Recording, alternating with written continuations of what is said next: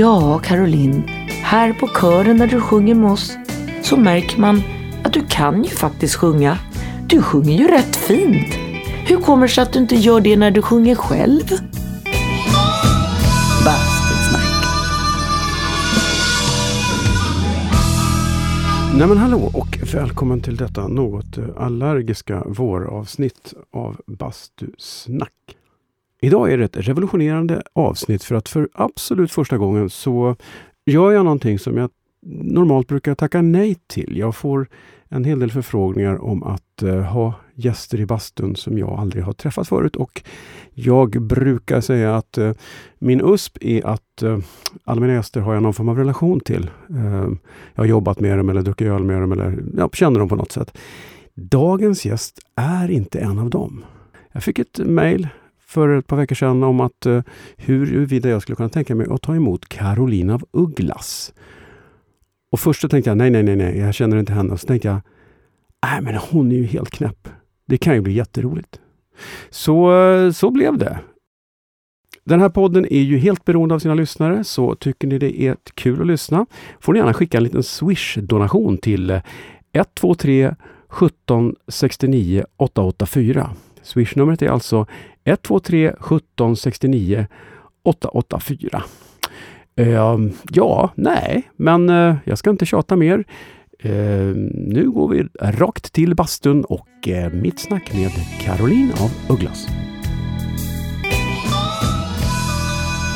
Bastusnack. Jag har ju alltid min, min USP, som det heter i kommersiella sammanhang, är att jag har alltid en relation till gästen. Jag har alltid Ja! arbetat med gästen, hängt med gästen, druckit öl med gästen, Mm. eller whatever på Mm. något sätt. Mm. Men jag Nu, tror nu har du haft aldrig alla har... du har druckit öl med. Typ. nu måste du jag börjar gå vidga ut. vyerna. Ja. För jag tror aldrig vi har... Har vi krockat någon gång? Alltså vet du en sak? Eh, jag är i en helt, jag är i en sån här bubbla. Jag vet inte. Du vet, eh, jag tror inte det. Nej, Jag och jag brukar tror, att, minnas. jag tror du har bättre koll än jag. Ja. Ja, men jag, alltså, för jag är farlig. Alltså, jag är både på gott och ont. Det är ganska roligt att, att man kan vara så i nuet. Men jag är inte i dået och det är Mm. nästan lite läskigt i huvudet. När det... Så det blir skitsvårt att skriva memoarer med andra ord när du ska göra det.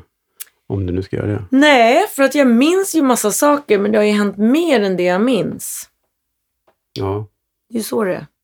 Fast det brukar lossna. Om man pratar om någonting så här, "Ja, den där gången. Så kommer det liksom. Ja. Eller, du, du Men ibland, är- nej men jag vet inte, jag kan träffa folk och det kan bli surrealistiskt alltså. Du minns inte att du... Eller, Nej men du vet, och det kan vara Ja. värsta grejerna Ja, och så här, man bara så här. Ooh. Okej. Och då blir det som ett vakuum, det blir som någon sätter en sån här eh, toalettrensare så här. Och det kommer inte tillbaks? örat och Nej. det kommer inte liksom. Nej, nej. Okej. Nej. Nej. men du Jo. får antagligen så måste du ha plats för nya intryck kanske. Kanske. Det kanske får- Jag vet inte. Nu, nu ska det ju vara så att man inte använder så stor del av hjärnan ändå. Så att man borde få plats med ungefär, vad säger de, 10 000 gånger mer än det man har. Men Ja, jag har hittills inte träffat någon som har lyckats. nej, Det är ju... Ernst Billgren har ju faktiskt använt mycket av sin hjärna. Jag tror det. Är det så? Hur har han gjort? Nej men jag vet inte, alltså, eller och vet du vem jag känner? Ja. Eh, eller eh, Göran Hägg, min Ja. partner in, eh, eh, vi vann ju På spåret tillsammans och eh, kom tvåa en gång och Ja. kom trea. Han är också absorberande till max. Okej. Det är liksom, där behövs ingen ruska. Men för det är ju jävligt märkligt att det går så bra för dig På spåret om du inte kommer ihåg någonting. Ja, men det är Göran. Jaha, Kommer jag ihåg. Så du är bara liksom... Ja, ja, jag bara satt där som en, och var snygg. Var för Nej, liksom- inte alls. Nej, men alltså vet du, jag var kan massa saker. Jag, jag liksom. kan saker, lite Ja. grann så här, lite så här små saker. Men, eh, eh, ja men det, det, jag är mycket på månen också. Och där är det ju ett annat, eh, en annan gravitation. Mm. Mm. Lättare. Mm. Mer studsigt. Är på något sätt, det, det, helt plötsligt så, ja, man seg, seglar iväg liksom. Eftersom jag inte känner dig. Mm. Och så tänkte jag så här. Jag brukar alltid ha lite saker, så att det får här lite bär och Ja, sånt. det Du där tror- är du det tänkte- bästa jag vet. Ja, blåbär. Ja. Bra. Och det där är det bästa jag vet. De, det gör ont i magen. Är det så? Mm. vi bort dem. Mm. Precis. Men, men jag kan hålla mig så du skulle kunna ha dem kvar också. Man vet Ja. att. Men så, så hittade jag en, en grej av en slump. Jag var och handlade och så tänkte jag, ja men det här är ju på något sätt, finns en symbolik i det här. Mm. Jag vet, nu lät det väldigt djupt, Mm. så djupt är det inte. Nej. Oj, På min lokala butik, ICA-butik säljer de någonting som kallas för knasboll. Och tänkte, gud vad roligt. Jag tänkte jag. jag verkligen, jag tänkte, först tänkte jag på, tänkte jag. oh, oh, gud Jag tänkte clownnäsa. Ja, och nu ska vi läsa vad det här är i dem för att det här ser jättegott ut. Socker, havregryn, vegetabilisk olja, mandel, vatten, glukosyra, kakaopulver, invärtessyra. Vet ni vad jag letar efter? Eh, vi spelar in va? Vi spelar in va? Spelar in ja, jag bara tänkte så att jag inte sitter här och försöker göra konst av ett recept i onödan. Eh, du, jag letar efter mjölkallergin. Jag är, innehåller spår av mjölk, hasselnöt och valnöt. Då kan jag äta de här. Mä, Då vill du med andra ord att jag ska smaka på en knasboll. Ja, de var mycket knasiga måste jag säga. Ja. Vilken grej! Ah, jag vet inte. Jag har aldrig provat dem. Och sen det här kan med- design. Med paket är ju också... Ska- Och stora var de också. Verkligen. Alltså jag kan ju säga så här. Vilken måltid! Jo, men det kanske innehåller hela... Kolla! Nej men titta baksidan. Det här är ju den klassiska havrebollen. Ah, maskerad till Maskerad till knasboll. knasboll. Ja, det var roligt. Det är ju nästan som man behöver en, en, Ta en sked. en där. sked. Ja, precis. ta en av bärskedarna. Bra. Häftigt. Perfekt. Mm, En knasboll. det. Och så smaskar det också. Ja. Mm.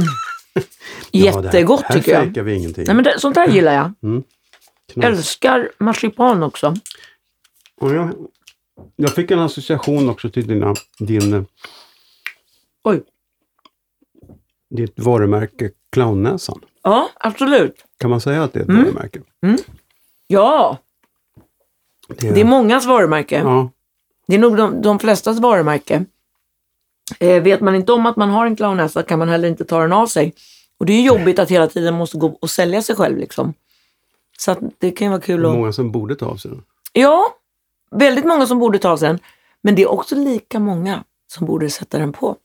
Lite oftare. Mm. För att som sagt, det finns inget negativt som inte har något gott med sig och tvärtom. Det är viktigt att ha koll på att man liksom rattar in läget. Tycker jag. När kom du på clownnäsan? Då? Jag är en neurotiker. Och är man neurotiker, då måste man hela tiden ratta in. Alltså, till en början så gick jag i många år och trodde att jag skulle bli galen. Eh, det, det kallas för dementofobi. Visste du det? Nej, det var Nej, nytt. Det var nytt. Och jag fick också lära mig det faktiskt. för Jag lyssnar på mycket böcker. Jag målar ju hela dagarna. Och lyssnar på böcker, böcker, böcker. Allt ifrån eh, påhittade historier till hjärnforskning liksom. Och psykologi slash whatever. Suits you. Bara böcker, inte poddar och sånt där. Då. Jo, självklart poddar. Intimt. Ja, men, ja, eller hur? Poddar är ju, det är faktiskt där jag lär mig de mesta sakerna. Precis. Jo, men poddar också, självklart. Mm, Det, det, grejen är att jag kan inte ha tystnad. Jag kan inte ha tystnad när jag målar, jag kan inte ha tystnad när jag städar eller någonting. Så jag måste hela tiden när jag åker bil eller någonting. Så att jag älskar. Och jag är inte sån som lyssnar på så mycket musik. För jag lyssnar en eller två, max tre gånger på musik. Sen har jag hört det. Och, och jag har gått igenom texten, för jag är väldigt textberoende. Så det är roligare att lyssna på böcker och poddar. Jag gillar text. Jag gillar hur folk pratar och hur de säger och tankar och sällskap liksom. Jag gillar inte att vara själv så mycket. Varför gick vi in på det? Jo, dementofobi. Ja. Jag blir jätteglad för jag gillar ändå när det finns, när man så här, har ett namn på någonting för då känner jag mig inte ensam och är jag inte ensam så är jag åt det normala. Och det är just den här känslan av att man går omkring och tror att man kanske kommer bli knäppgök. Eller vad hette den här bollen nu igen? Knasboll. Knasboll Mm. vill man inte bli, eller hur? Eh, och då känner man att man går ju och spelar vanlig. Man rattar ju så här. Och då har jag insett hur, viktigt det är att ha koll på den och då har jag tatuerat in en clownnäsa här på Mm. armen. Så då kan jag titta ner på den och så sätter jag på mig den och det, det är ändå en trygghet att veta att jo, men jag kan spela. Jag kan spela vanlig. Och det inte- handlar inte om att jag vill sätta på mig näsa för att spela bättre än någon annan. För att det tycker jag är otrevligt. Jag tycker många sätter på sig den näsan och lägger ut saker som gör att... Ja, men jag, jag gillar ju att man vågar visa sig själv och sina svaga sidor och så kan den andra öppna, ta bort sin näsa och så är man svag tillsammans och tillsammans blir man stark. Det, det, så jag gillar ju inte den sortens clownnäsa. Men jag gillar clownnäsan som glädjer andra då. För att om jag går ut en dag när jag är på dåligt humör så vill jag inte att det humöret som är sämre ska spridas. Nej. Utan då kapslar jag in mitt dåliga humör och så går jag hem och snyter med. Mm. Och sen blir du av med det då. Ja, Det är bra. ofta sover jag bort mitt dåliga humör har jag märkt. Mm, jag tar promenader. Mm. Det är bra. Jag kan springa några varv också runt Mm. huset. Det kan räcka om man känner sig riktigt Mm. ruggig. Do some gymnastic. Men det är bra. Det är där jag ska komma ihåg det. här. Dementofobi. Mm. Bra ord alltså.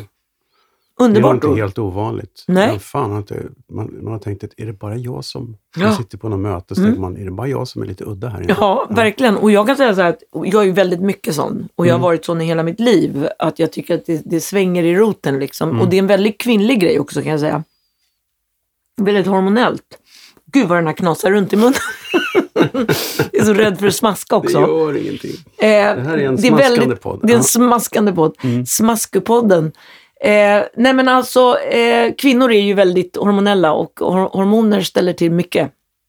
Har jag också fått lära mig. Så det gäller att inte gå igång på det allt för mycket. Mm. Men jag tycker det bästa av allt är att prata med folk ändå. För känner man att väldigt många känner likadant, då, då är man ju no- normal och då är det ju inte så läskigt. Jag har varit med om det där i, på turné. Man står på någon, jag har åkt och mixat något band på någon turné någonstans och så är man på festival och träffar Mm. 30 kollegor. Och sen så säger jag att ja, men, ja, det är så Tycker du också, det var en kollega till mig som jag högaktar väldigt mycket som en gång vände sig om precis före och sa, tycker du också att det är så skitjobbigt precis innan det ska börja? Man vet liksom inte om det kommer att låta. Ja, jag är det, men är du det? Ja, Och sen så, ju mer man pratar, liksom, det är ju en ganska macho bransch. absolut. Alla så, "Åh, skit. Så ju mer man snackar med så alla är ju livrädda. Ja, men det är klart. Och det är så skönt när Mm. alla tycker, ja fan är du också det? Ja. Ja, men det- det- underbart. det är För att då det är blir verkligen plötsligt så. lättare Ja. att arbeta när Mm. man släpper den där attityden. Absolut. Och sen är det så här väldigt brett spektrum på vad man tycker är jobbigt och när det är jobbigt på riktigt. Jag Mm. hade en bästa vän, bara som ett exempel om jag nu drar det till knashållet. Och vi stod på alla partyn och alla festivaler och allting i ett hörn och tyckte allt var läskigt. Och vi, ja men du vet, vi kände igen oss varann i den här läskigheten och hur jobbigt det var. Och det var jobbigt, men, men vi var ju ändå där, eller hur?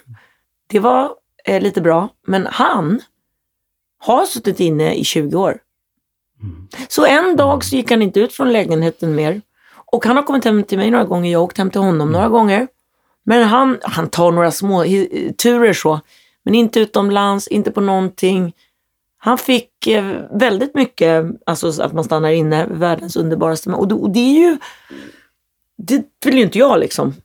För- Men skapar inte det, är inte det en, en downward, en, en spiral? Det är klart att det är en spiral, så Att man ska inte... Första dagen man stannar hemma så har man gjort det. Mm. Och så kanske man stannar hemma Ja, du ska igen. ju inte Och så är bejaka svårare, det. svårare att gå Nej, ut sen. ja, absolut. Man, ska- man ska inte bejaka det. Och jag har jobbigt varje gång jag ska till affären att jag tycker det är jobbigt. Men sen när jag väl åker så var det inte så farligt. Och sen är jag nästan på gott humör efteråt. Nej, det är jag inte på mataffären för mataffären är läskigast. Det är faktiskt det läskigaste stället av alla. Tycker du det? Ja. Varför Det-? Bara för att, ja men vet du, jag först och främst så åker jag inte och handlar så ofta. Och sen är jag en ganska social typ. Och jag pratar med allt och alla, kanske lite för mycket också. Nästan. Så att för mig känns det ju så här, du vet, jag går på affären och jag pratar och hur mår du och bla bla bla. Lite som en toka. Är du med vad jag Jag menar? förstår. Mm. Ja. Och då vet jag ändå att jag vill ju inte vara en toka.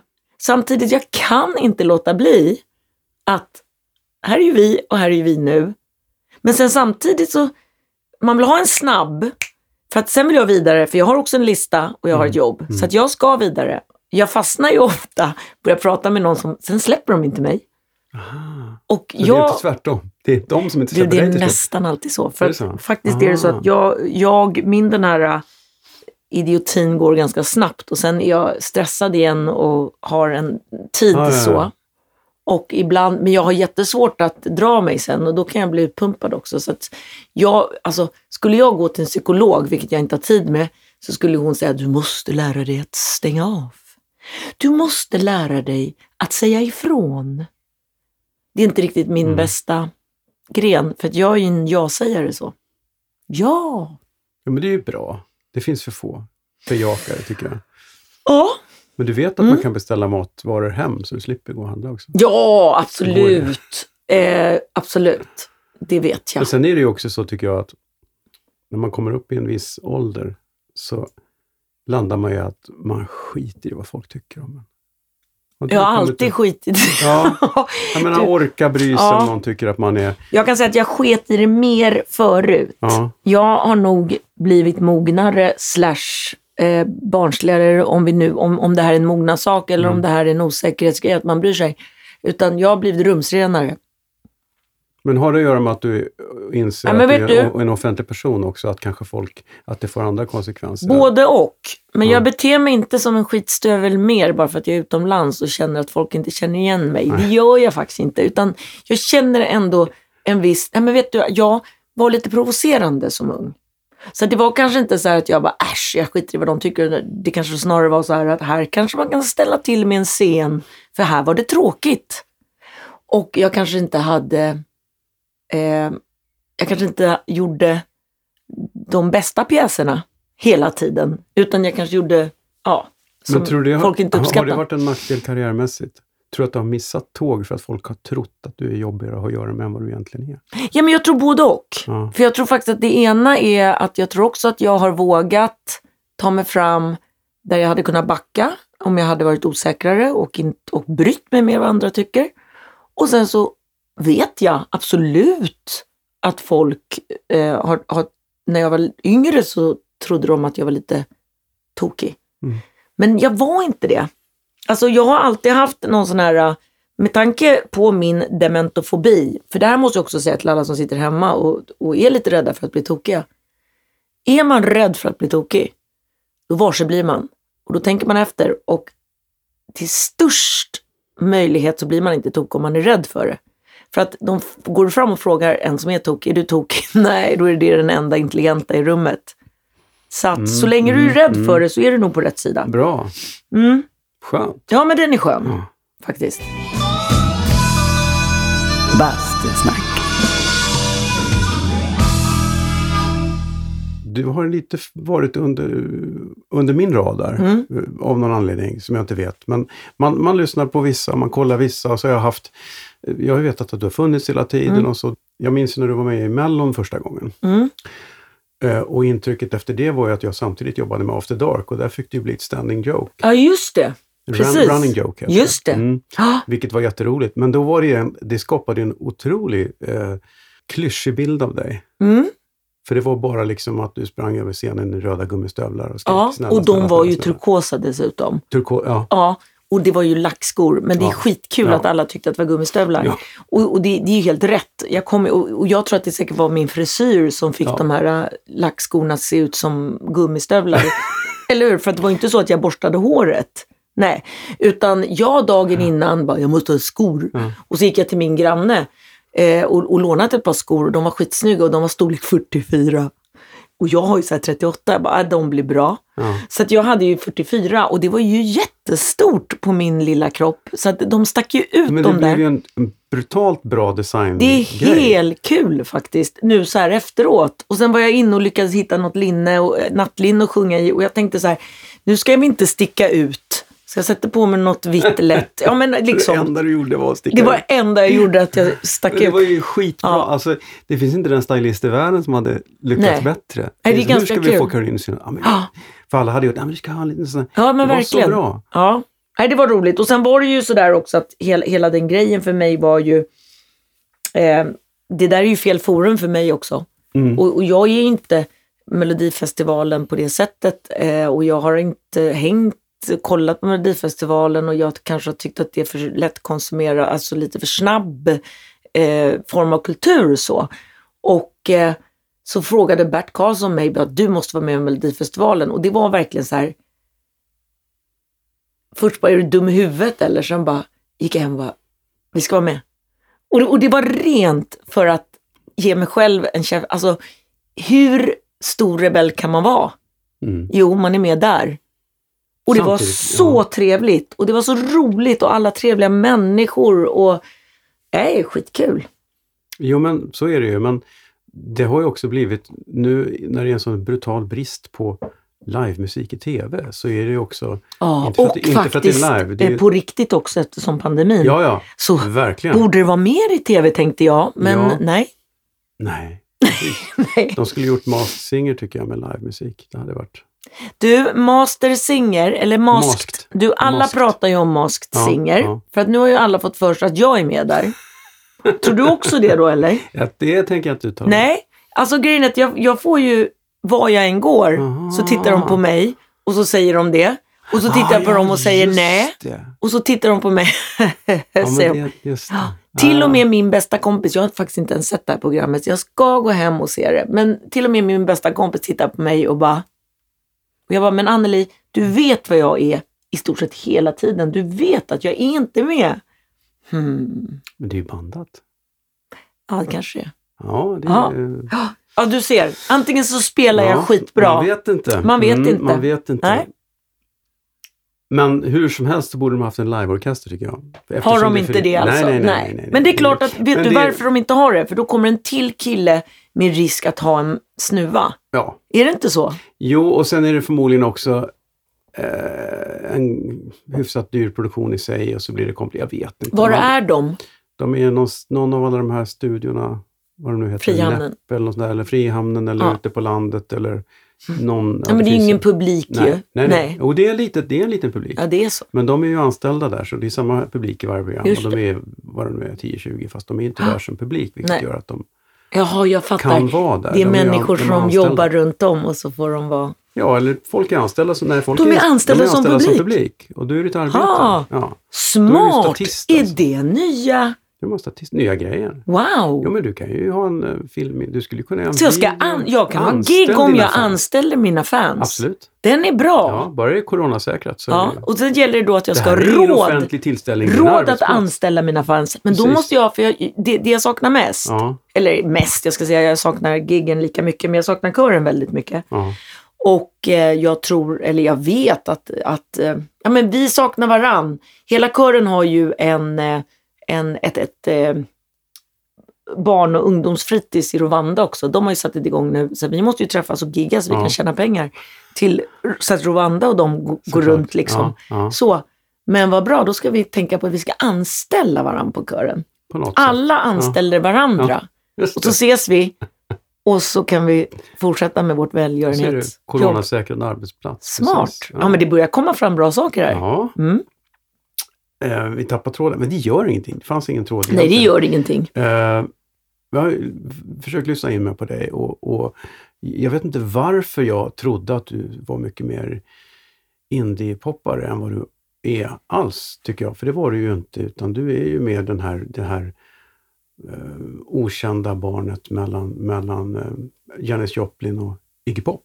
Ja. Det är liksom dina föräldrar, Ja. känns det som. Och sen är ju då frågan, är Janis Joplin och Iggy Pop, är de indie eller är de... Det är de verkligen inte. Nej, det är de inte. inte, och vet du varför? du- För ja. att de är kommersiella, eller hur? Det är därför. Men de hade ju lika väl kunnat vara indie. Ja, fast inte indie som jag tänkte Nej. på just nu. Hur tänker Utan du då? Indie tänkte jag mer eh, lö, det här lösa, flummiga. Du är mycket mer, du, jag tycker du bottnar mycket mer i klassisk rhythm and blues, soul. eh, Ja, men det gör så, jag. Det än- håller jag med om. du är ja, liksom. absolut. Jag tänker indie, din första koppling där var ju icke-kommersiellt indie, så Mm. liten label. Jag, Ja. Indie för mig var mer ett sound. Ja, jag fattar. Det var så Mm. jag tänkte. Det var Ja. därifrån jag ville gå. För att jag känner att det, det, det är ju mycket rockigare och, än så. Mm. Och, och eh, det är där jag kände liksom Iggy. Sen så, så, så insåg jag att, du hade gjort något skivomslag omslag som ju fan var Iggy också. I Ja, just det, precis. Ja, det Jättelänge här- sedan. Ida Blå. Skinnpaj och, och liksom... Nej, du tänker på Nej, den. ja. Novell. Mm. Just det, Mm. precis. För det För var ju, det mm, var ju så här, ja. det kunde ju varit Iggy. Ja, Liksom. ja absolut. Ja. Ja. nej, men jag och Iggy, Iggy är min, det är lite av min mirror image eh, om jag nu skulle få mer testosteron. Ja. Alltså det är min kille liksom. Ja. Absolut. Fast du är snällare. Är han elak? Nej, alltså jag tror att han är väldigt snäll, men imagemässigt så är han ju... Jag har en kamrat som gjorde monitor åt honom på Hultsfredsfestivalen. Mm. Och i hans rider så står det att the sound monitor engineer should have some basic knowledge of sound And No Fear of Death. Fast det är ju någon annan som har skrivit Alltså, och det är ju en, låten- det är en poesi i Ja, det. efter första låten kommer Iggy fram och spottar på honom. Efter Nej, två äh. låtar så kastar han mixtativet på honom. Men min polare Steve, han Wow. garvar ju bara för att han är ju... Men spott är äckligt tycker jag. Jo, men ja, fast det ingår ju i Iggys Jaha, image också. Han är spot- Ja, nej, men det- jag är verkligen inte en spottjej. Alltså Men- spott är nog det sista jag skulle utsätta någon för. Nej, men han är ju, sen tror jag att det där är ju en, hans persona. Ja. Jag tror inte alls att han är sådär. Nej. Och det visste ju min polare också. Men skulle Han någon spotta så skulle jag, Ja. då skulle jag bara, Jo. jag skulle bara gå av. Ja. Ja. Men det var, jag menar, jag tror att han, jag tror att Iggy är en, en, en rätt skön, Mm. Han ser skön väldigt, 75-åring. eller ja jag tror också är. han ser Ja. väldigt eh, egen och eh, Har du skön sett ut. den här filmen, Coffee and Cigarettes? Ja, Där sitter han ju och snackar med Tom Waits va? men du, det har jag inte alls det. För vet du vad jag har sett med Iggy fucking Pop? Den senaste som handlar om sådana här döda människor som går omkring zombies. Aha. Och det är en film som är lite så här hypad. Jag tycker den var ganska löjlig, egentligen. Men, men, men, men en och en halv timme gick. Så att så vi- ska inte lägga, göra okej. någon större Nej. reklam för Nej, den, men ja. den, nu, den är gjord nu och han är med i några sekvenser Ah. som zombie. Och det var kul. Nu drar jag mig till minnes, Mm. efter mitt hastiga googlande häromdagen, har inte du också gjort någon sån grej? Jo, och jag tänkte faktiskt på det. Ja. För jag såg Iggy Pop, för att, och det var en ganska kul grej, för de gjorde någon zombie-grej här i Sverige. Ja, Och Lill-Babs och jag och massa artister. ja de vanliga som man tänker på när man säger zombie. Ja, eller hur? Jätte... Och det är en ganska kul grej att de gjorde värsta filmen Mm. och sen så var bara massa artister zombies och de sminkade och det var roligt. Det är ju en rolig grej, man fick Mm. se sig själv, man såg så jävla äcklig ut och så. Och så tänkte jag faktiskt på det nu med den här Iggy Pop-filmen, för de, Mm. det var en till popstjärna som de hade i den där. Och då tänkte jag så här, nu kommer alla zombiesar komma och så är de Mm. att det var samma. Men det var inte det. Det var bara Iggy Mm. och en annan, och jag kommer inte ihåg namnet såklart. Iggy, man får googla det. Du, vad hette Ja. filmen? Det vet Ja, men jag kan ju inte Inte komma ihåg sånt. Skönt, du vet Ja. två. Bra. Och inte grejen är att det är lite så här, så fort jag vill komma på ett namn så låser det sig. Och jag har en bakgrund till det, för det var faktiskt en gång med Göran på På spåret. Så hade de en fråga med Miles Davis. Och jag, jag visste liksom svaret och det var utgång. Jag tror att vi kom tvåa då. Vi hade alltså Mm. vunnit hela tävlingen. Vi sitter i fucking final. Förlåt att jag säger fuck, men det här var hårt. Sitter i final och det ligger an på det. Och jag vet svaret. Och bara mm, me, Millan. Och det Och det är till- bara min bästa kompis namn Millan kommer. Och jag vet, och du vet, vi kan inte dra ut på det längre liksom. Så jag är tvungen att, jag vet inte vad jag sa, men vi fick inte rätt. Och jag vet att det var Miles, är du med? Och du, ja. du får liksom, det, och det gjorde så ont. Det, det slog som knut så att efter det så får jag uppleva det här momentet om och om igen som straff. Men hur fick du det gigget? Jättebra fråga, måste vi fråga producenten om. Ingen aning. De ringde och frågade om jag ville vara med och jag skrattade och sa nej, det är kanske liksom fel tjej så. Och så kom jag hem, eh, eller min man kom hem och så sa jag, jag skrattade bara, de ringde från På spåret. Och, är du dum i huvudet? Klart att du ska vara med, det är ju värsta så här.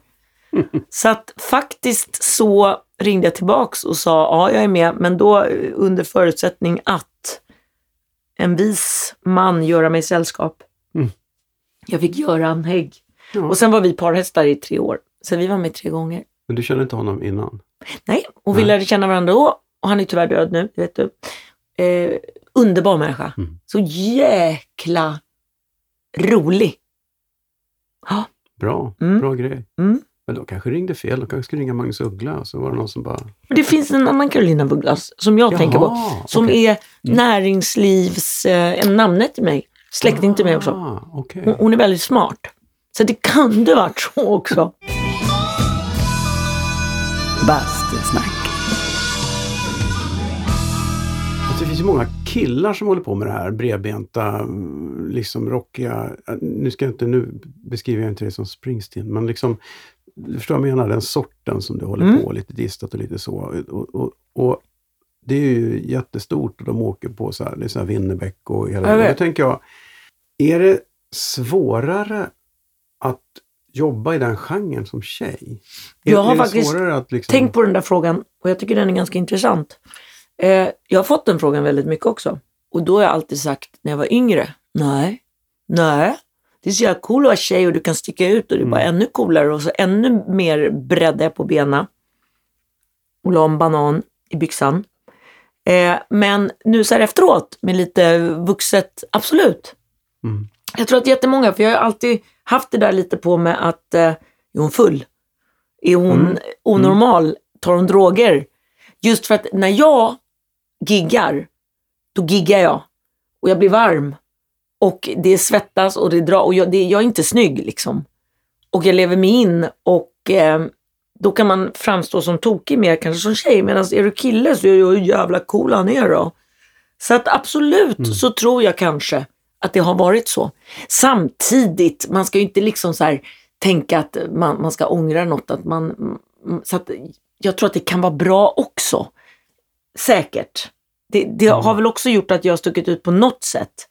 Men eh, det jag, lite mer friktion och lite trögare glid framåt Jag kanske. känner mer att man, man, man vågar kanske inte headlina på samma sätt med en, en kvinnlig artist i den genren.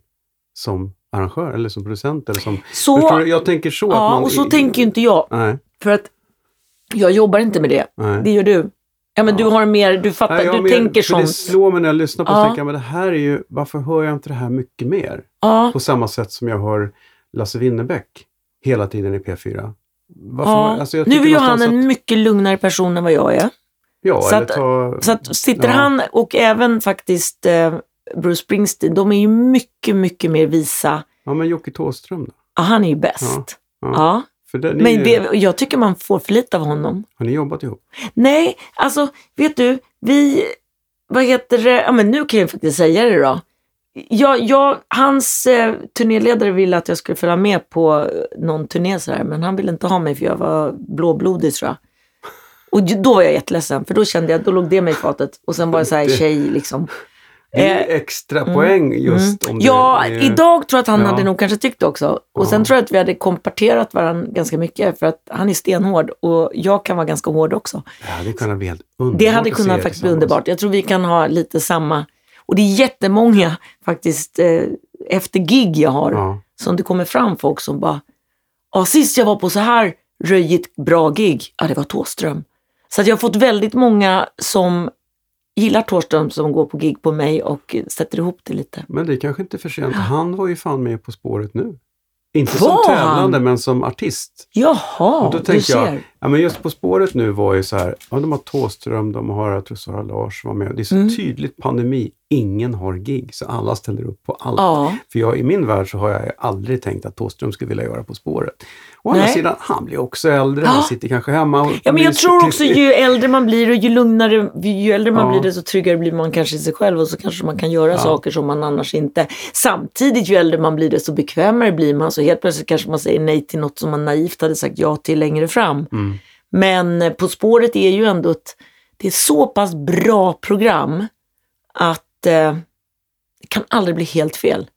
Ja, men publiken är ju också, man, man glömmer bort det att det är ju de som var punkare 78, de ser ju Absolut. På spåret. Ja men det är ju verkligen så. Så det är ju inte så revolutionerande att se. Thåström, det ingen blir Nej. chockad. Nej, liksom, inget publiken. konstigt alls. Det, jag, tyckte, jag tyckte det var, jag blev mest överraskad att han Mm. överhuvudtaget Ja. var med. Det var Ja. jättekul. Mm. Men det är alltid kul att bli överraskad. Men han, han är ju bäst. Ja. Ja, absolut. Men han har ju samma som Iggy och som kanske du, just den här att på scenen så är det ju snudd på jag pratar med folk som har jobbat med honom och säger att det går ju knappt att kommunicera med honom för han är i bubblan. Liksom. Ja. Nej, men jag blir... häftigt. Ja, alltså det, jag, jag kan säga, jag kan ju kommer, absolut konversera. Vad sa du? Konversera? Konversera? Hette det Konversera. konversera? Konversera. Gud vad konstigt Konversera. ord. Ibland kan man fastna Nej, på ett ord. kommunicera tror jag. Kommunicera, det Ja. var det du sa. Eh, min grej med scenen som jag tycker är det Mm. bästa. Jag jämför alltid med att gå och handla. För att när jag är och handlar, då är det ju massa folk. Och då vågar jag ju inte bete mig som jag gör på scenen.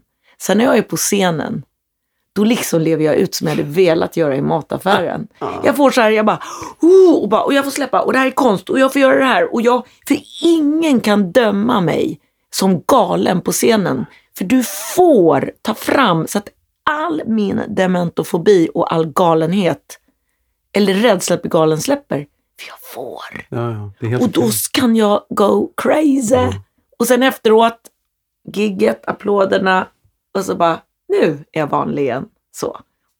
Det är, toppen. intressant. Mm. Ja, det, och det är ett sätt att kanalisera. Det är renande, Mm. såklart. Men det har du nog gemensamt med ganska många. Absolut. Som, som, för att inte tala om ståuppare som Mm. kanske inte alls är särskilt kul Nej, efteråt. absolut. Men där har de, Mm. wow, flowet. mm. Så är det. Och sen, men sen just det som jag har i min och just det som kanske folk har tyckt att är hon drogad eller är hon galen? Så är det just det där att ja, jag har mycket galenskap i mig som jag konstant kanaliserar. Och, eller inte kanaliserar, tvärtom, stänger inne Mm. och gömmer bakom. Och då får jag ta ut det på giggen så. I konst. Det, det finns ju folk som måste droga för att hitta det. Ja. Och det är ju rätt skönt att slippa Nej, det. jag vågar inte droga. Nej, nej. Alltså jag är väldigt rädd Ja. för det. Ja. Men det är på grund av att eh, jag kanske har visst har provat när jag var yngre, absolut. Och eh, det var inget bra. Men det var okej, men det var inget speciellt så här. Men eh, nej, jag ska inte hålla på med sånt. Det, är- det, det är för kul ändå. Mm. Och jag har andra kompisar som, har, som är lite som jag, som är lite skojiga. Så här. De, de, det kan gå fel, snett alltså. Mm. Skitfarligt. Mm. Så att du, du ska helst vara av märket labrador och väldigt trygg för att experimentera med för mycket droger. Bastusnack. Men har du haft jobbigt med stalkers. Inga stalkers, bara media. Klockan 11 på natten. Eh, vad säger du om det här då? Och du vet, man bara känner så här, nej men det här var ju för sent Ja. eller någonting. Du Ja. man bara känner så här, nej man vill veta här, mer, men inga, inga Nej. konstiga stalkers. Nej. En enda konstig, eller jag har fått några konstiga brev har jag. Och, men det har räckt med att min man har tagit kontakt och sagt så här, lägg av liksom. Mm. Och då har den lagt av, bra. Och sen hade jag en gång en konstig farbror som kom knallande på min tomt och han tittade runt och han hade gått fel. Mm. Men sen så, han verkade väldigt förvirrad och, och jag skulle iväg, jag skulle dra till stan. Så jag bara, eh, jag kan skjutsa dig till, till eh, stationen. Så jag skjutsade honom till stationen. Sen berättade han, är du Carolina Vugglas? Ja. Va, vilket sammanträffande. För att jag har hela mitt kök tapetserat med dig. Det tyckte jag var lite konstigt att han lyckades hitta min tomt. Eh, Jag trodde inte på honom 100%. Men kanske var det så för att han hörde aldrig mer av sig. Eller så dödade jag alla hans förväntningar. Ja, Mm. han tänkte det ser ut som hon men det kan ju inte vara hon. För hon verkar ju helt normal. Hon verkar helt normal. Hon var ju skittrist Ja. liksom. Han blev besviken. Ja, han blev jätteledsen. Shit. Ja. Ja. Hon var inte ens nerrökt. Ja. Hemskt. Mm. Han trodde han skulle få lite pott. Eller Det är hur? det, just ja, det. han just fick det. skjuts till stan liksom. Boring. Ja, fel band. Ja. Mm. Men musikaliskt då? Hur började du, när började du musicera? Du, jag satt eh, och spelade in på en bandspelare, så här Rec och Play, när jag var nio år och så gjorde jag låtar. Eh, Singer-songwriter I was. Mm. Mm. Spelade in och så lyssnade jag och, och skrev lite texter och skrev lite dikter och sånt där. Men sen var det inte mycket mer med det och sen började jag måla väldigt mycket. Och så att jag satt mycket hemma och målade. Men sen, jag gillade att sjunga och sen så åkte jag till Spanien. Jag, jag tror faktiskt att det var så här.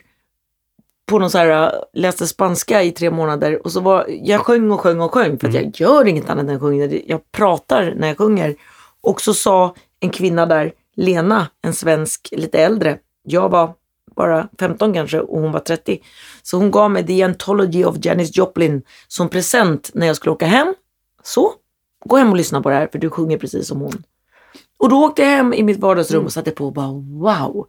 Och så satt jag och det, det stod inte texterna då eh, på skivomslagen utan jag lyssnade och skrev med min halvtaskiga engelska. Sjöng och sjöng och då startade jag band. Mhm. Och så sjöng jag Joplin-covers. Mhm. Och sen gjorde jag dem på svenska. Ja, men jag var helt fast. Och sen började jag sjunga annat. Och sen började jag göra egna låtar. Men det var faktiskt, jag startade band direkt efter att hon tyckte att jag sjöng som Joplin och jag kände att men jag kanske har en speciell röst. ja. Liksom. För innan dess så jag gillade att sjunga och jag tyckte nog att jag var halvbra men det var ändå många som tyckte att jag lät lite konstig och lite sprucket och lite för mycket. Mm. Och att många var ju så här, äh, av mina kompisar, de vi kallade för välsjungande, de som inte hade tover i håret och väldigt välborstade, alltså bästa vänner, jag älskar dem, så de var perfekta människor. Men de sjöng ju lite vackrare då. Men jag sjöng ofta på så här tillställningar och med dem, men jag fick alltid ligga på understämman med min mörkare röst. Och så måste du spricka så mycket. Ja, jag kan inte annars. Ungefär. Men det är naturligt, det är inte ett manér utan det är, det är så. det är väldigt naturligt. Nu har jag ju lärt mig, för att sen repar man i band och man spricker och Mm. spricker och sen så spricker hela rösten och sen tål du inte så mycket. Så att det slutade med att jag blev sångpedagog och gick i min mors fotspår. Jag stod liksom, min skola, hon är ju logoped Mm. och hon har liksom en skylt på bröstet så och har gått läkarlinje så. Jag har gått min skola med stängd dörr. Jag har suttit på alla hennes kurser, föredrag, privatelever, suttit utanför dörren utan att de har vetat det. Spisat och lärt mig. Så jag har ju varit på varenda, för jag tycker det är så otroligt intressant med röst. Mm. Så helt plötsligt så kunde jag det. Och sen var jag tvungen att ta det till mig själv, lära mig prata. För förut när jag sjöng mycket som Joplin, hon sjunger lite, och lite spänt och du vet, jag pratade nästan så här. Det är lite sprucket sådär. Så att eh, då måste man lära sig lägga ner rösten och hitta magstöd så att rösten ska hålla. För jag kan faktiskt sjunga ganska mycket hur länge som helst utan att bli hes nu för tiden. Och det är jäkligt härligt och när man hittar en avspändhet i när rösten spricker. För att jag har defekta stämband vilket gör att det släpper in luft och det frrr, fladdrar och det låter balt. Eh, men du ska kunna göra det på ett avspänt sätt. Men för att kunna göra det på ett avspänt sätt så måste du också ha koll faktiskt på att kunna sluta stämbanden.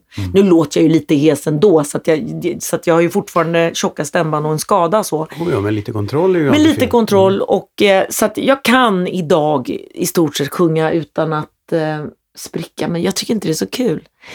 Det, det är faktiskt lite kul, gud vad jag pratar. Men. Ja, på kören Ja. så har det kommit fram några till mig. Jag skrattar lite åt dem som kommer fram och bara Ja, Caroline, här på kören när du sjunger med oss så märker man att du kan ju faktiskt sjunga. Du sjunger ju rätt fint. Hur kommer det sig att du inte gör det när du sjunger själv? Och man bara, ja, det är min konstform. Det är jätteintressant, men att vissa älskar ju sprättet och spricket Ja. och känslan. Och det där är ju galenskapen som jag vill ha ut, liksom, när det spricker så. Det ena behöver inte utesluta Nej. det andra. Det Och sen så försöker man ju sluta tätt och sjunga lite snyggt, man spricker inte hela tiden. Men vissa kan det räcka med två spräck som har förstört hela låten för dem. Ja, ja. Mm. Medan man själv tycker att det är höjdpunkterna på hela låten. Så att, Men det är olika, det är Ja. smak. Men sen Mm. också en, en fantastiskt fin egenskap som du har fått då, troligen via morsan, det är ju att du har så bra diktion. ja, Det är diktion Jag är lite halvtydlig, va? Du skulle vara en väldigt bra kuplettsångare. ja vad roligt. Du har aldrig Eh, varit funderat ja, på det? Nej. Du, eh, bra fråga. Sen, sen kan man ju tycka att man kan vara för tydlig, slash, Mm. men jag har hört skitmånga som säger att jag är otydlig ibland. Mhm. Så jag blir faktiskt lite glad när du säger det. Så jag ska gå hem och säga det till min mor. För vet du, min mor kan ibland säga, kan du vara lite tydligare?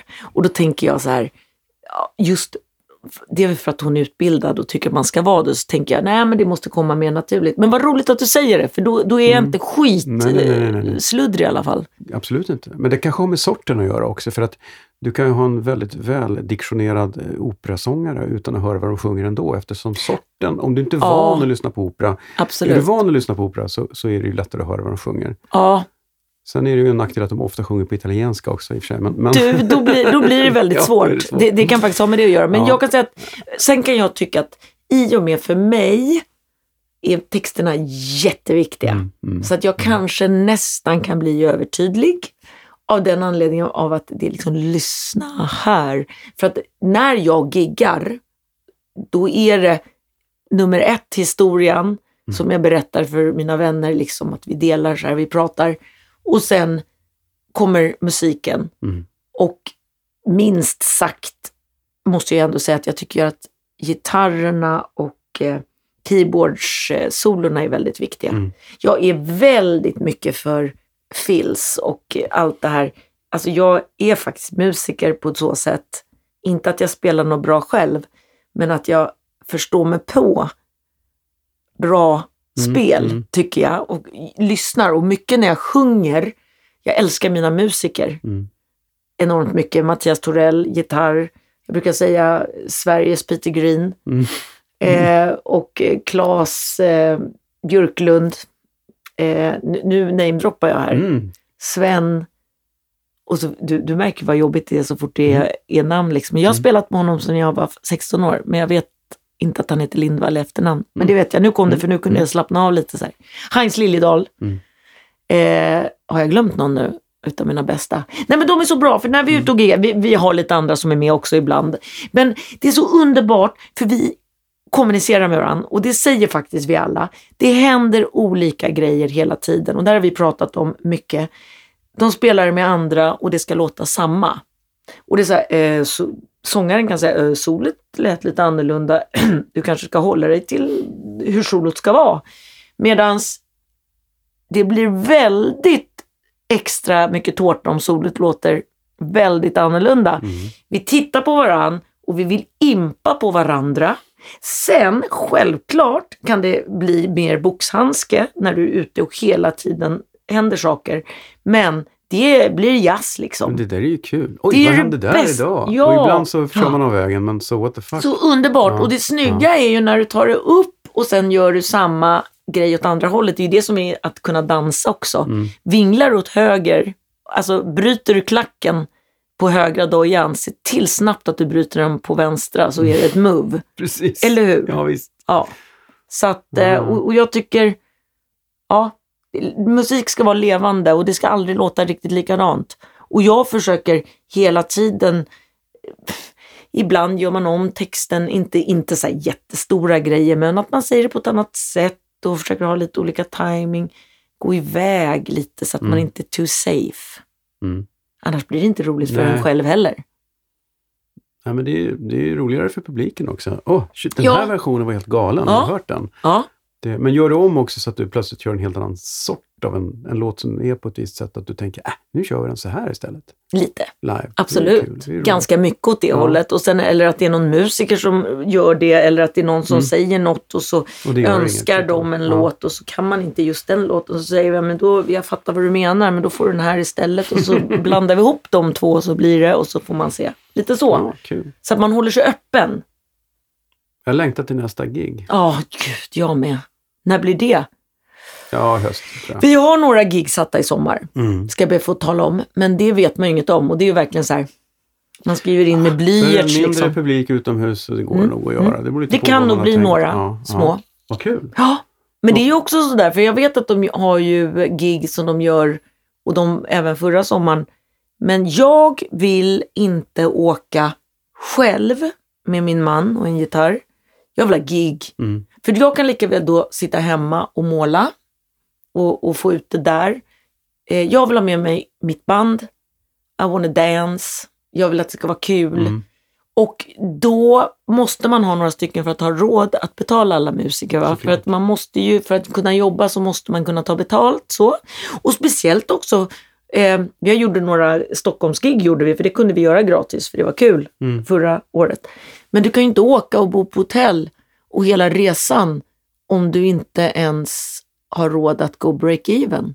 Nej. Så. Nej, men alla måste ju äta. Är ju... så är det. För- Och då får, måste man göra det jobbet som och ge Du betalt. släppte ju någon platta förra året, men det betyder att du inte har turnerat med den. Inte alls.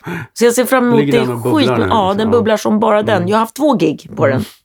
Och det var just i närheten av Stockholm Mm. där, där vi hade råd med bensin att åka och gigga liksom, Mm. för inga pengar. Och hade tid att lämna brödfödejobbet, målandet. Eh, för man kan ju inte vara borta för länge heller, man måste jobba. Så att, eh, så att det går att gigga på den. Mm. Som bara den går att gigga på den. Jättekul. Jag älskar att du är ute och giggar, men du har ett riktigt jobb för att klara av ekonomin. Och det riktiga jobbet är att måla tavlor. Eller det är underbart. Just nu, och vad tacksam Ja. jag är att jag stod på två ben. Mm. Alltså, innan har man ju hela tiden fått frågan att är du kluven som konstnär? Du har flera strängar på din lyra. Det, lyra heter det, inte Mm. på din lyra. På din lyra, ja det är ju inte så seriöst. Nej, nu är det jävligt seriöst bra. Men vad fan, Ulf säga. Lundell målar ju också. Alla målar ju till Jag skulle slut. faktiskt hellre ha dina tavlor hemma än Ulf Ja, men Lundell. tackar, tackar. Ja, förlåt Ulf, men Ja. jag tycker ju... Jag måste säga att jag ska faktiskt googla Ulf tavlor nu Ja. när vi åker. För att jag har inte sett dem. Det enda jag kan säga är att jag vet en som målar som målar faktiskt jävligt fina. Mm. Och det är så mycket som, eh, nu kommer det till namn igen, Micke Persbrandt. Micke Persbrandt, Han målar inte så illa, så du. det visste jag Mm. inte. Ja, men Jag har bara sett det någon gång och jag bara tänkte wow, vad häftigt att han Spännande. ändå har så. Så alltså, Uffe ska jag glo in på. För du målar ju jävligt mycket. Och jävligt, Ja, jag målade ju också från början. Det var ju inte Ja. så här att, att, att eh, det var ett annat sätt att uttrycka mig. Men jag, alltså, eh, om vi nu ska prata Ulf Lundell nu när vi har sågat hans konst så måste vi ju ändå såg. kröna Ja. hans poesi. Ja, han är ju helt fantastiskt briljant i det han skriver. Mm. Eh, så att eh, jag förstår att han tog upp och målade lite. Mm. Så att jag tror ändå att det är så, så att alla som vill uttrycka sig, och det handlar ju om att våga uttrycka sig. Mm. Vågar du skriva något och sen läsa upp det, vågar du sjunga en sång, så vågar man ofta måla och, då, och visa upp det. Och då gör man kanske det. Du gick på, på Ackis va? Du, Nej! Musik, gjorde du inte det? Jag hade för mig att du var Nej, musiklärare. nej, inte jag, det? nej, jag ljög om Då det. klipper jag bort det. Jag ljög om det. Du Nej, om ha det? kvar det. Snälla, Ah. jag har ljugit hela mitt liv. Du har ljugit. ja, Du ja, har- verkligen. För jag har inte sett att Nej, du har gått men på alltså- någon konstskola. Det var lite det Nej, jag får nej, jag är autodidakt när det gäller allting. Jag är inte en bra elev, för jag lyssnar inte. Är du med? Nej, Jag är verkligen sämsta jäkla eleven, men jag är ganska bra lärare, Mm. ska jag be att få tala om. Har jag märkt. Både på att jag lär ungar att rida, jag tycker det är skitkul. Jag är ganska, och sen så har jag hållit på med kören och lär folk sjunga. Jag är bra på att få, det är inte så mycket blomsterspråk, jag går rakt på och så kör vi. Eh, Nej, men jag gick ju mammas skola som jag Ja. sa. Och därför är jag ju inte logoped, därför är jag Nej. ju pedagog. Och, eh, men jag har inte gått på någon konst, jag är autodidakt där också. För att jag bara, alltså den bästa skolan är livets skola. Men om vi säger att Janis och Iggy är dina, nu lägger jag ord i din mun här, om Janis och Iggy är dina förebilder i musiken. Det finns säkert andra också. Men konsten då? Vad kommer, för där är jag för dålig på konst för att sitta, titta och säga det här, det här har inspirerats Ja, av. ja, men vet du, Men jag vad- vad är inte... Eh, nej, men jag är dålig. Jag, jag har inte sett så många konstnärer. Alltså, jag är lite samma där. Jag sitter och målar och målar och Mm. målar. Jag lyssnar inte på så mycket musik heller. Jag lyssnar på böcker. Det inspirerar mig Mm. väldigt mycket. Andra människors långa haranger av ord. Du I går på utställningar och... Men jag googlar lite. Alltså Ja. att jag tycker det är kul. Jag säger inte så, men jag har inte så mycket tid att gå på allt för mycket utställningar eftersom jag är manisk målandes. Jag målar så många timmar per dag. Lite rädd för att åka till stan, som jag sagt. Alltså jag är inte rädd, jag gör ju rent kognitivt. Men jag är ju mest trygg med mina färger. Så. Och det tar tid att måla. Och, eh, men jag, jag inspireras utav, alltså min största målarinspiration till mina bilder är att jag reser i världen. För jag, vi packar in oss i den här bilen och så åker vi några månader om året runt om i mycket öststatsländer. Det är Mm. mycket Ukraina, Ryssland, Rumänien. Eh, ja, men jag tycker patina är snyggt. Mm. Och då får jag mycket, så åker jag en kamera och så tar jag bilder och så sparar jag det och så Mm. skriver jag en liten bok. Då bildas det vad jag ska måla. Så det, det är min inspiration. Och sen hur jag lärde mig måla. Jag kommer också faktiskt ihåg det. Mm. Första gången jag blev intresserad. Min, min morfar var konstnär och målade och han var konstig, sa mina föräldrar. Så konstnär skulle man inte bli för då blir man arg och konstig. Inte lätt att umgås med, så det skulle inte jag bli. Jag skulle sjunga. Men jag är och ser en kompis teckning och den är så snygg. Hon har målat av en häst. Och jag blir väldigt impad så jag bara, jag ska gå hem jag ska måla en bättre. Så jag åker hem och jag gör fan en bättre. Och jag bara inser att den här är så mycket bättre för hennes är ju platt. Min är rund och den har liksom, den har en sol. För helt plötsligt jag sitter jag och jobbar fram ljuset. Och jag jobbar fram ådrorna. Och, och hennes teckning, jag vet inte hur länge hon höll på, men jag höll på många timmar i en vecka med en A4. Jag gav mig fan på att göra foto. Alltså det skulle jag. Och så inser jag, det här är inte så svårt, det var akryl. Minutiöst härma, härma, titta och fixa. Och då inser jag, wow, och sen fortsatte jag. Så sen höll jag på i flera år att bara fotokopiera. Mm. Jag kunde kalkera ibland så att man fick liksom kanterna. Men själva måleriet, att bli, ja, se färgerna och, och det är en lägga. jättebra skola. Asbra. Du, du fick dina 10 000 timmar där, då, Ja. kan man säga. Och sen gick jag i skolan och så fick jag femma i bild och jag var snabb ibland Ja. och gjorde snabba saker ibland och, och långsammare, bättre saker ibland. Och min konstlärare sa, frågade om man fick köpa mina grejer för han sa att du kommer bli stor en dag. Och jag skrattade för ärligt talat, nej, det skulle jag inte bli. För Fick det han var, köpa dem? Nej, det var för fult och jag, bara, jag skrattade, jag bara tog det på skämt. Liksom. Men jag tror att han var lite halvseriös.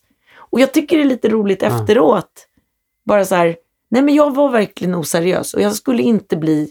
Men sen slutade det med att jag spelade i band och sen målade jag faktiskt massa tavlor. Jag bara målade och målade och målade så hängde alla tavlorna på tork. Jag bodde på nedre våningen i kanske Gustav Adolfsparken kanske det heter.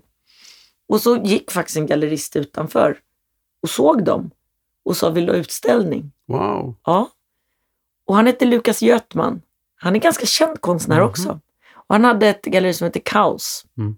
i Stockholm. Och så hade jag utställning där och så sålde jag några. Och jag sålde några tavlor bara på att de tittade in genom mitt fönster. Och sen insåg jag att, ja men visst, att jag fortsatte måla. För jag, funka. jag Ja. fick ju pengar, så att Mm. mina första pengar är från tavlor. Och mina sista. Det är jävligt roligt att, att man går från det hållet. Det finns ju de som desperat börjar med att måla och så ska de jävlar med ut och sälja. Att Du Ja. har ju bara målat för att du Ja. måste måla. Jag tror att det är också. Det är bra när det är så. Ja. Och jag tror faktiskt att för då blir det blir inte sökt och det blir inte krystat och man är inte feg och man är inte rädd. Man målar för sin egen Ja, men skull. du hade ju varit tillfredsställd ändå, för du fick måla. Absolut. Sen är det ju en bonus att du, du kanske hade varit tvungen att jobba med musik för att försörja dig. Ja. Absolut. Och det hade ju varit fy skam. Ja. Du, det är många gånger jag har velat jobba med musik istället. Ja. Alltså, är du med vad jag menar? För Ja, att ja. musiken är ju väldigt social och väldigt kul. Men nu, nu när jag är äldre börjar jag inse fasen vad bra det är. För att jag måste ju säga att alltså, musik är ju socialare och jag är en social människa. Och det, är ju en rädsla av att bli asocial av att sitta i en ateljé hela dagarna med färg. Det är ju mer ens ensam. va? Väldigt Ja, ensamvarget och man kan bli lite så här äh, psykedelisk Men Heinz målar inte. av det. Nej, Jag säger att Det gör han inte. där bredvid varandra och Du, jag har sagt det till honom flera gånger. För att det, det roliga är Ja. faktiskt med det här är att Heinz gjorde inte texter förut. Nej. Han har ju gjort texterna till 80 procent på de två senaste plattorna. För att jag målar hela tiden. För han kommer in och tjatar på att jag ska göra, för att det började ju med när vi träffades, att vi gjorde, jag gjorde alla texterna och han kanske gjorde 60 procent utav musiken och jag gjorde 40. Mm. Och sen har det liksom dragits åt att han har gjort 80-90 procent av musiken och jag har gjort 100 av texterna. Tills jag kände att det är så underbart att måla så varför gå härifrån? Mm. Och sen jag fastnar, jag är väldigt fast på måleriet. Alltså det är väldigt, det är något som driver mig. Alltså jag vet inte vad det är. För det är mycket ångest. Jag har jävligt ont i armen också. Men och han tvingade in mig i studien, eller inte i studien, i studion. Eh, eller rättare sagt, han kom in och skulle tvinga och jag sa gör texterna själv. Och sen var han borta, inte i några timmar utan i några veckor. Och så kom han ner och så spelade han och hade texter och då var jag i studion på tre minuter. För texterna var bättre skrivna än vad jag, om jag hade skrivit dem själv. Och det blev hela plattan Kul. novell. Och det gick snabbt. Och han skrev texter som handlade om mig och om andra människor, för jag är ganska lik alla människor. Vi är ganska lika allihopa nämligen. Och, eh, men han skrev det utan att vara hemmablind. Så här. Jag kan säga att jag, mina texter, har handlat mer om vänner. För det är lättare att skriva om Mm. andra och att man tolkar igenom någon om vad man, vad man tror att Mm. folk vill höra slash känner igen sig. Medan hans har blivit mer om mig och jag tycker det är jättehärligt. Mm. För det är lika mycket om dig och Mm. om alla andra beroende på om man träffa någon i hjärtat med dem. Men han är jätte, jätteduktig. Och i och med att det blev så, så jag har sagt några gånger faktiskt, sätt dig ner och måla. Mm. Jag tror att han kan det Shit, också. tänk om han tar över det också då? Ja, alltså han är ju lite darrhänt då, för att han har ju sån här äh, medfödd tremor, Mhm. som är en skaksjukdom Mm. lite grann. Eh, det går jättebra att spela gitarr, så det spelar ingen roll Nej. vad han spelar. sig. Men det skulle bli lite mer... Kanske en eh, egen, kanske det skulle bli en egen stil, det skulle bli lite så här... Ja, men det blir sån Ja. crea- creation by accident. Ja, absolut. Liksom, oj, det här blir så det bra. kommer Ja, nog, ja. absolut. Bastusnack. Jag, jag, jag hörde en rolig story om, om, apropå din röst, att du, ni, du vid någon, någon skiva som spelades in så, så försökte du spara på rösten så du pratade inte med bandet utan du viskade delvis. Gud så roligt. Vem har du hört det av? Ja, det jag avslöjar aldrig mina källor. Nej, för det är ro, först det roligaste utav allt, viska får man inte göra för att Nej, viska är, är som det att skrika. Ja, det är det sämsta. Så nej, det har jag inte gjort. Nej. För att tillräckligt intelligent och väl eh, lärd är jag faktiskt, att det gör man inte. Eh, så att då måste någon ha missuppfattat. Eh, Det roliga i det hela var att Det att, att det blev en del missuppfattningar lite på kan inte du berätta mer så att jag vet vilken inspelning det är? Det var en inspelning... ehm, eh, det var boring. Nej, det var det inte. Det var, det var, nu ska vi se. Så gör jag det igen på Atlantis. Ja, och vet du, när du säger det Mm. så vet jag faktiskt att det är verkligen så. För jag är, för, eller det var den enda bilden jag kan Ja, se hur ja, jag sitter. Jag ja. är så hes. Ja. Och jag har någon jäkla förkylningsjäkel. Och jag blir så himla irriterad.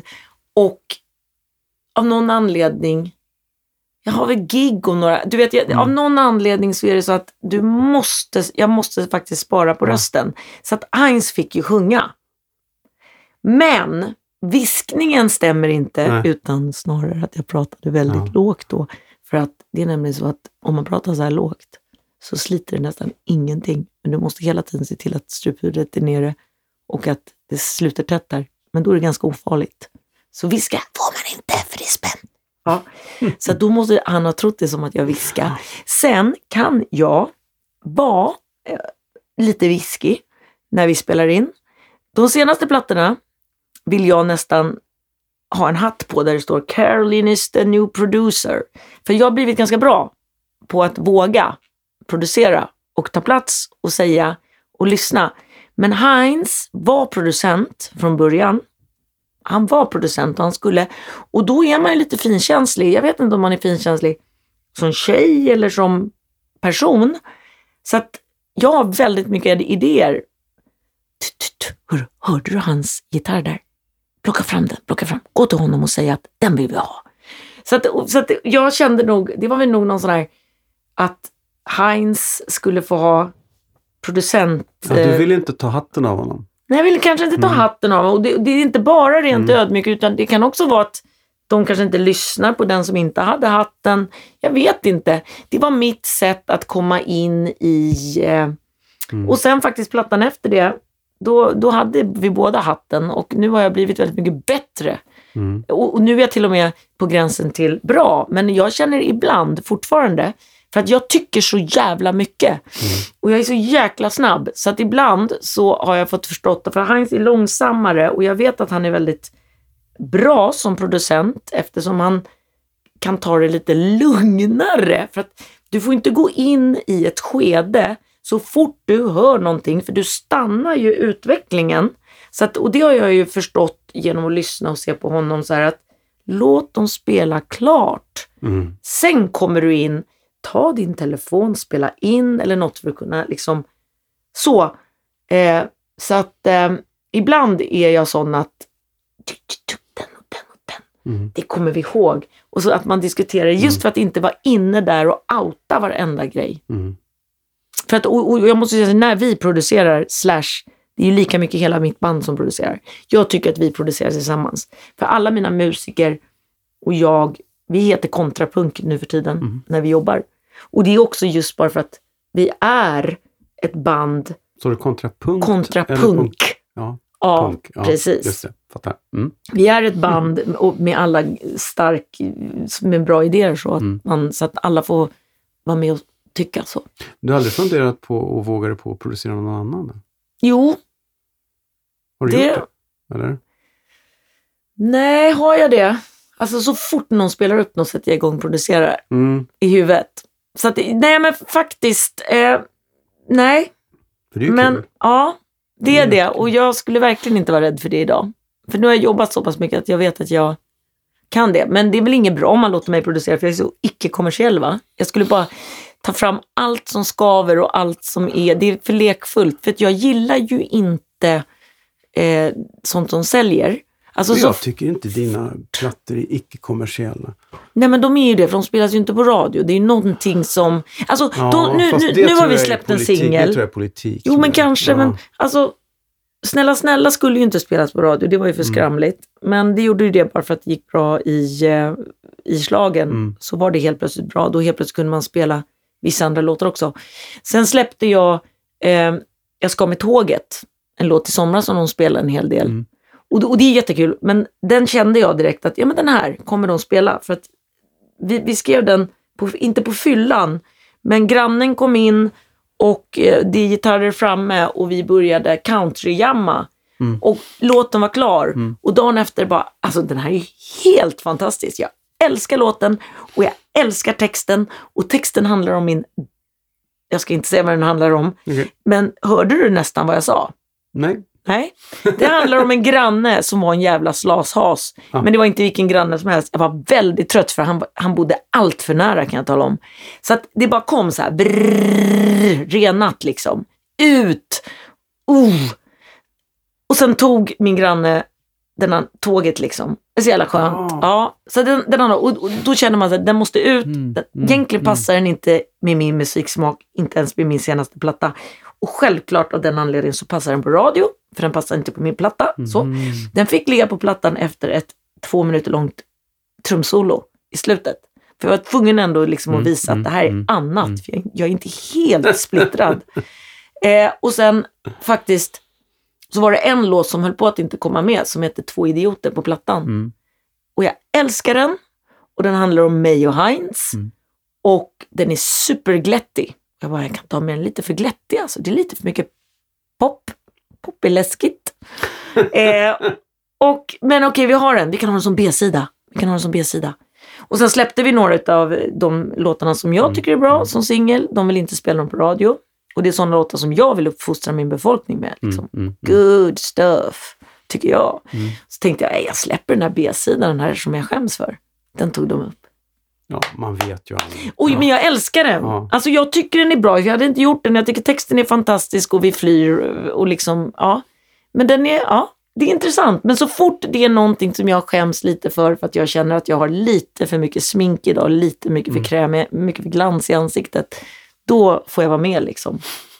Det har blivit dags för Skämskudden. Herregud vad pinsamt. Skämskudden. Nej, inte den där gamla demon. Ja, för det så skäms jag ju aldrig. Det gör jag ju faktiskt inte. Så det, det var lite av en rätt. För att det finns inget dumt som inte har något gott med sig. Det, det leder ju alltid till något ganska spännande just bara för att det blev som det blev. Eh, och sen så tycker jag skämmas är onödigt. Så. Eh, däremot så var det faktiskt så här att vi släppte en platta som heter Mrs Boring. Som jag tycker har ganska bra låtar sådär. Handlar om mitt liv. Sånt som jag möter och ja men det är bra liksom. Och sen så Alexander Bard, vet alla vem det är? Skitkul kille, superintelligent, I like him very much. Though, han kände väl ändå någonstans att det skulle vara bra om du hade en singel också. En hit alltså, alltså något som de kan spela på radio för att det ska vi ändå det här. Han var min eh, manager. Shit, vad otippat. Visst är det otippat? Men vet du, och det är också en söt historia, att han gav sig på att bli manager. Jag tror också att det var väldigt mycket det, för att han har ju hållit på med väldigt kommersiella saker. Men han har ganska rough musikstil, smak egentligen, eller han är ganska bred, han tycker om mycket. Så att han kände väl att med, med hans talang för kommersialis, kommersialism och hans playground, nu ska jag jobba, nu ska jag plocka fram tre artister som jag gillar, Mm. men inte är kommersiella. Och ska vi se, ska jag ta det som utmaning och se hur jag vrider till det liksom? Kul tanke. Det är en jättekul Mm. tanke. Och vi började och han, han var inte inne och petade i någonting för han gav mig helt, det här är jättebra, det är din konst liksom. Han släppte men sen radio ville ju inte ta upp det så att det var ju så, han bara fan, det här är mina polare, de ska ju spela det här liksom. Så att kan du inte åtminstone, du vet. Så att jag, ja okej visst, visst, jag ska göra någonting här. Och så gjorde vi en låt som heter It's a skill to be thrilled. Och det är ju i och för sig, it's a skill to be thrilled, eller hur? Mm. Det är inte så lätt i alla väder att vara upphetsad och glad. Men eh, så texten var det väl egentligen inget fel på. Men vi bestämde att vi ska ha tjejkörer för att jag hatar ju Du tjejkörer. har ju väldigt lite kör på dina plattor. Väldigt kör mycket killkör. killkör. Mm. Ja. Men jag vill ju ha det här ba, ba, ba, kören som pratar mot mig. Mm. Där texten har någonting att säga. Mm. Jag är inte så här jättemycket för det här snygga. Men okej, vi ska ha tjejkörer. Det var bara en grej. Och sen poppade vi till det. Och den fick vara med på plattan. Och jag skäms som ett djur. Och så tänkte jag så här, man vill ju inte spela upp något sånt. Och så de, och så, om du nu ska spela upp lite av det här och så har ingen hört min riktiga musik och så lyssnar de på det så tänker de, ah usch. Eller så kanske jag, ja, men det kommer kanske bara en snutt. ah vad bra. Jaha, en liten. Nej, du får spela hur Ja, mycket du vill. Ja. Men du fattar, vi, vi det, det är ganska roligt. Så den, den den kan du lägga in. ja. Och, Ja. det, och det är också så jättekul. Ja.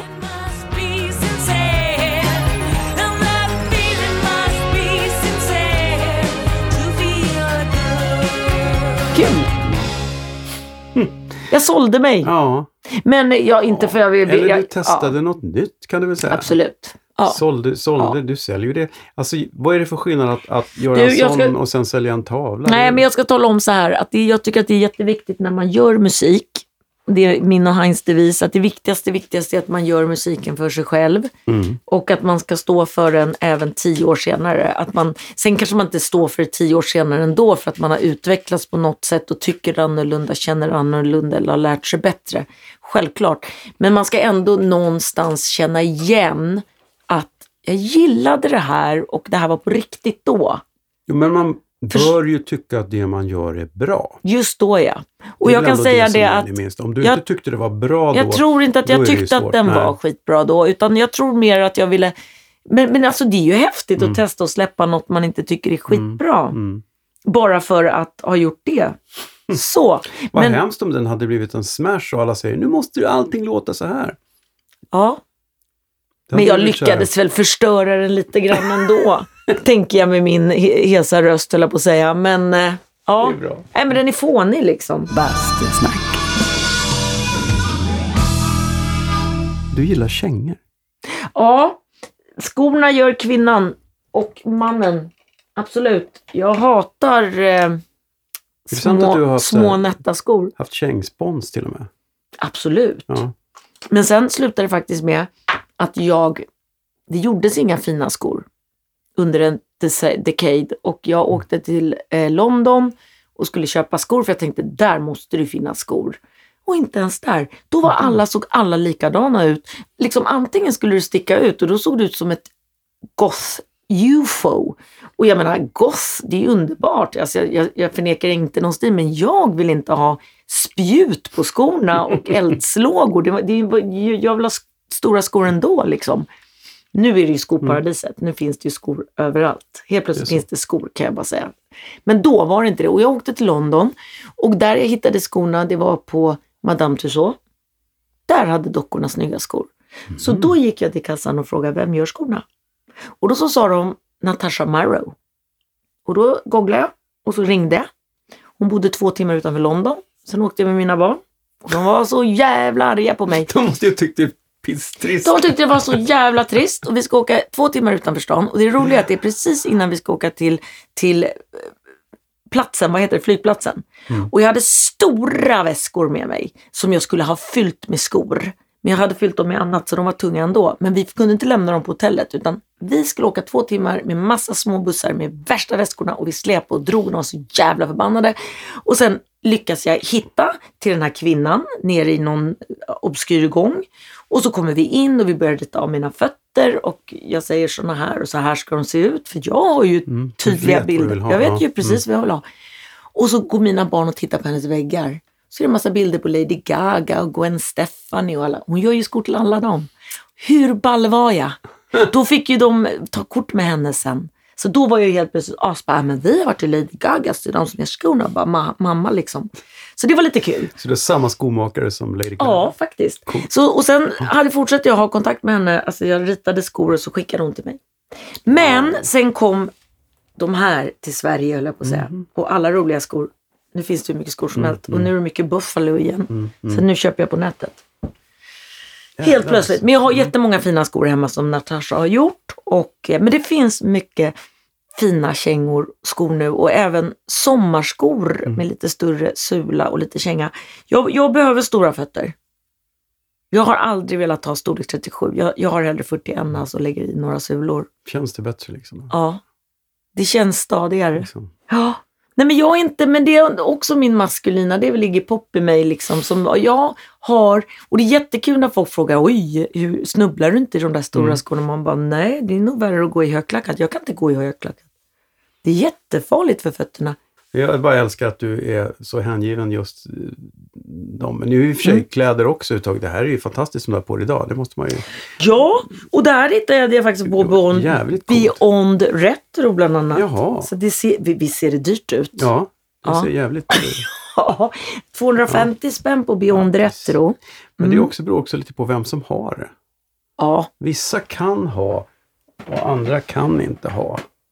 Alltså det handlar ju lite om också hur du sätter ihop det. Ja, Eller hur? Helt plötsligt, jag har de här kalsongerna liksom och kalsonger som kalsonger men sen hittar du den här fantastiska jackan som matchar med kalsongerna och helt plötsligt så har hon dräkt. Och Exakt. kom, ja, eller hur? Jag hade ju Mm, nästan kunnat vara med på en gala. Mm. Och det här är ändå Lätt. kalsonger.